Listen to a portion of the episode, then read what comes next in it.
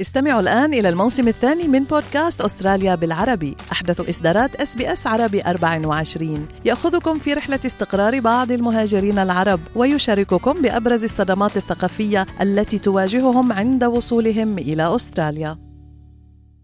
أنتم مع SBS عربي 24 استمعوا إلى آخر إصداراتنا بودكاست الهوية.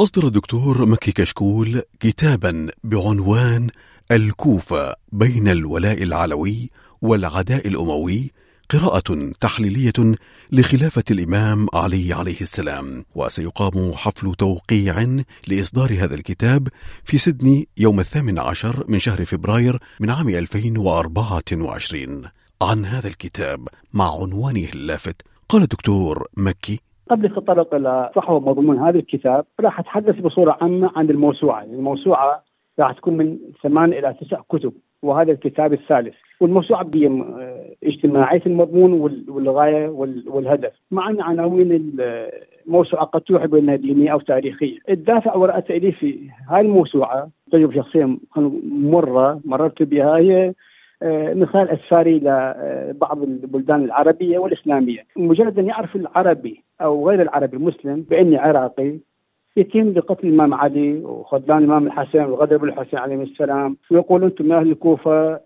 من خذلتم وغدرتم وقتلتم باهل البيت. وهنا أتهم على بناء على قوميتي كعراقي. لكن في حال سفر إلى بلد عربي أو غير عربي مسلم سني يعني غالبية سكان السنة يتم ويعرف باني شيعي حتى يتهم الشيعة بأنهم هم خذلوا الحسين وغدروا بالإمام علي وقتل الإمام علي والحسن وما شابه. وهنا أتهم بناء على انتماء المذهب. طبعا بعد البحث والتنقيب وجدت أن هناك ظاهرة اجتماعية غريبة بالمجتمع العربي والعراقي. مرض اجتماعي يسمى الوهم أو بناء الوهم يعني زرع وهم في نفس أو عقل مجتمع معين حتى يطغى على الوعي والواقع اللي يعيشه المجتمع. يصبح هذا الوهم بديل عن عن الحقيقة. ويبدو أن هذا الوهم يتحكم بعقول العراقيين بصورة خاصة والعرب بصورة عامة. حتى صاروا ما يميزون ما بين الحق والباطل والوهم والحقيقة.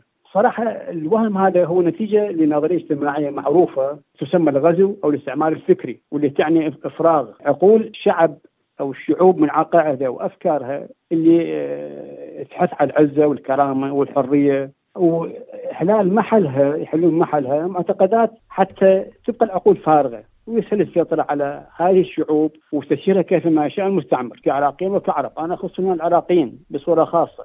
دكتور الآن نتحدث يعني عن آلية كتاب وتجميع وتحليل هذه القراءة. حضرتك أكيد استندت لمراجع ذات مصداقية. خبرنا عن هذه المصادر. واجبي حتم علي أن أكتب بهذه المواضيع اللي لها مساس مباشر بالواقع المعاش. واللي نال التاريخ الإسلامي صراحة ما نال تحريف وتزوير صراحة بذلت جهود كبيرة لكشف الحقيقة والدفاع عن عن الحقيقة. أولا من خلال مخاطبة العقل والاعتماد على التفكير الموضوعي والدلائل والبراهين العقلية والنقلية والمنطقية. أكثر من يعتمد على العاطفة والتعصب والتمذهب. صراحة بذلت جهود أيضا مضنية بإيجاد ما يعارض وينقض ويدحض ادعاءات واتهامات المؤرخين الباطلة. وهمي صراحة من خلال هذه الآليات هو قتال الوهم اللي أشرت إلى بداية حديثي خيم على عقولنا كعراقيين وكعرب منذ ما يزيد على 1400 سنة. لذلك أنا بدأت بكتابة الموسوعة كموسوعة من عام 2010 ولحد الآن لا زلت أكتب بالموسوعة. يعني صار 13 14 سنة أنا أكتب بهذه بهذه الكتب. تعتمد على مصادر وأسانيد موثوقة ومعتمدة طرف السنة والشيعة يأخذوا بها ويعتمدوا عليها. حتى ينال النتائج توصلت لها المصداقية. لأن بدون مصادر أنا صح يمكن أعتمد على العقل أكثر من النقل. يعني الإنسان بعض بعض الكتب أو بعض المفاهيم الاجتماعية أو حتى التاريخية من خلال تسليط الضوء عليها من خلال الروايات والأحاديث وما شابه مع ان مع قوة مصدر هذه الروايات من خلال من خلال قوة السند وقوه وثقة الناقل عن النقل عنه. لكن تحكيم العقل عندي العقل بالدرجة الأولى يأتي. يعني أنا إذا إذا رأيت في الرواية أنه مطابقة بكل شيء قوي بكل شيء لكن تخالف العقل هنا أعتمد على على العقل. وأنفي وأنفي النقل صراحة.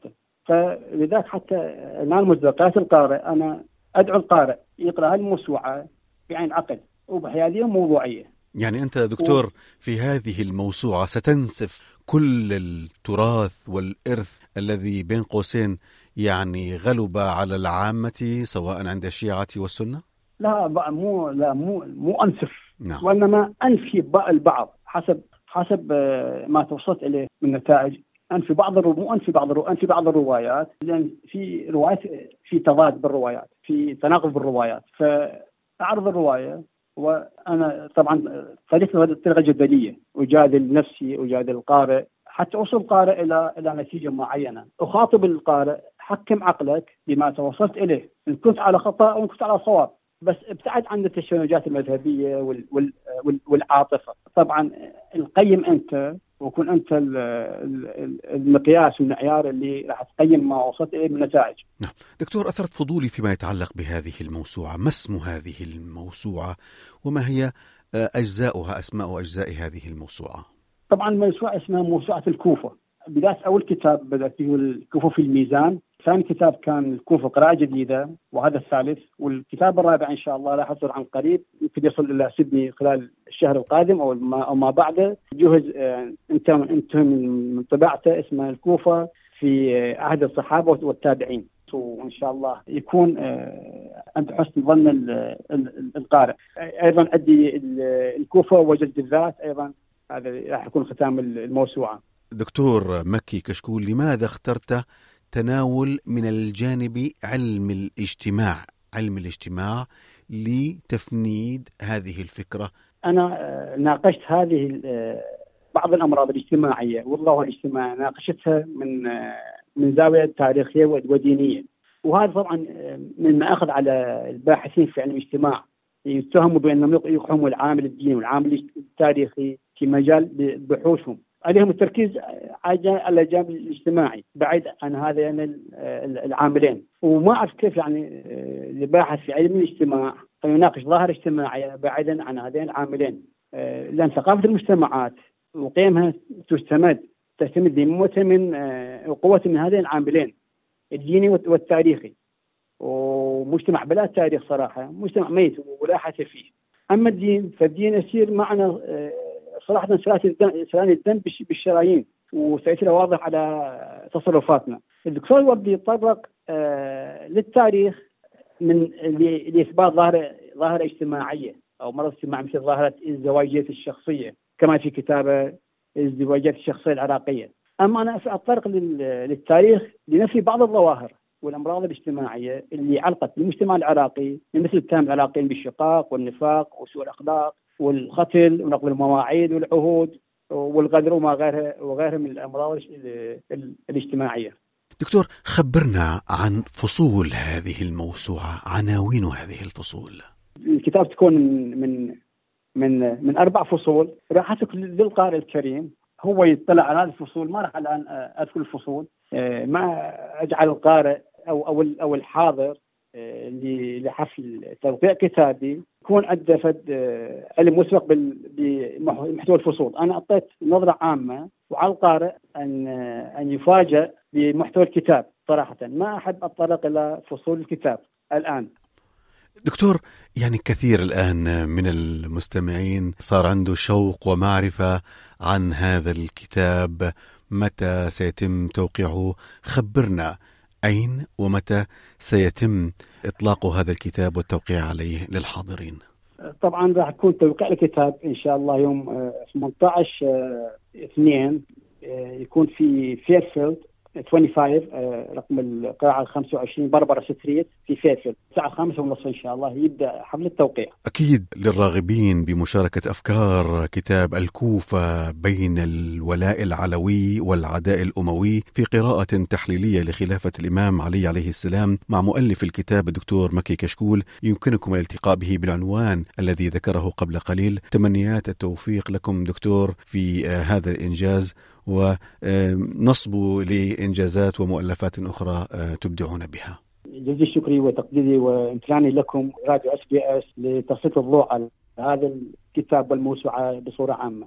استمعوا الآن إلى الموسم الثاني من بودكاست أستراليا بالعربي. أحدث إصدارات إس بي إس عربي 24 يأخذكم في رحلة استقرار بعض المهاجرين العرب ويشارككم بأبرز الصدمات الثقافية التي تواجههم عند وصولهم إلى أستراليا.